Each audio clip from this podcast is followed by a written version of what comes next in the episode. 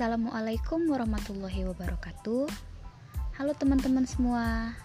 Perkenalkan nama saya Marsana Dinda Lestari. Saya dari kelompok 5 Saya dari kelas 2B Diploma 3 Gizi Poltekkes Kemenkes Bengkulu.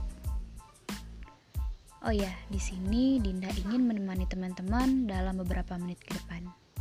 Dinda ingin menyampaikan materi dari kelompok Dinda yang berjudul Mutu dan Kualitas Pangan. Silakan disimak. Menurut Kramer dan Twig, mutu adalah gabungan sejumlah atribut yang dimiliki oleh bahan atau produk pangan yang dapat dinilai secara organoleptik. Mutu juga dapat diartikan sebagai derajat penerimaan konsumen terhadap produk yang dikonsumsi berulang. Mutu juga dapat dianggap sebagai kepuasan yang dapat didapatkan konsumen dari integritas produk yang dihasilkan produsen.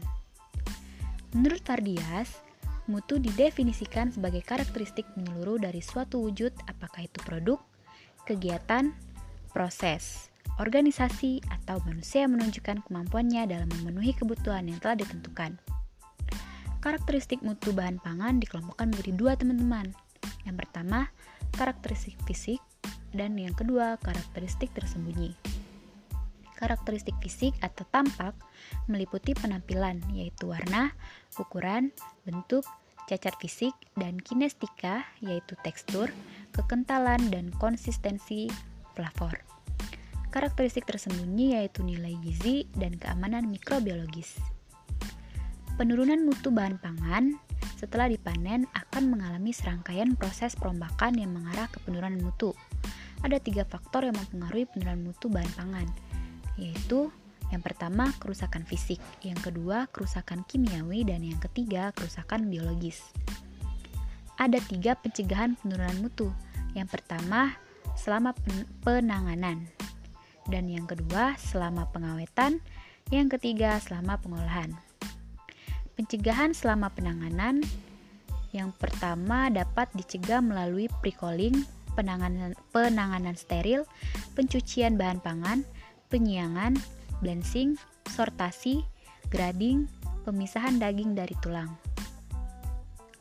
Pencegahan penurunan mutu pangan selama pengawetan dapat dicegah melalui penggunaan suhu rendah, iradiasi, penggunaan bakteri antagonis, yaitu bakteri yang bekerja secara berlawanan dengan bakteri pembusuk atau patogen.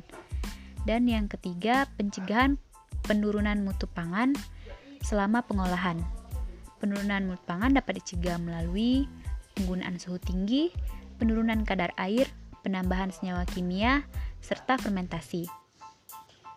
Ada tiga faktor yang mempengaruhi ketersediaan pangan, yaitu stok produksi, impor, dan ekspor. Dan ada faktor yang mempengaruhi ketahanan pangan, teman-teman, yaitu ada lima.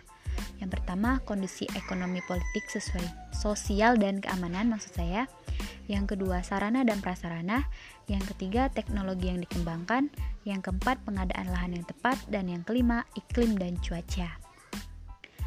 Sekian dari saya. Semoga dapat bermanfaat untuk saya dan teman-teman semua. Saya akhiri wabillahi taufik wal hidayah. Wassalamualaikum warahmatullahi wabarakatuh. Oh ya teman-teman, semangat puasanya.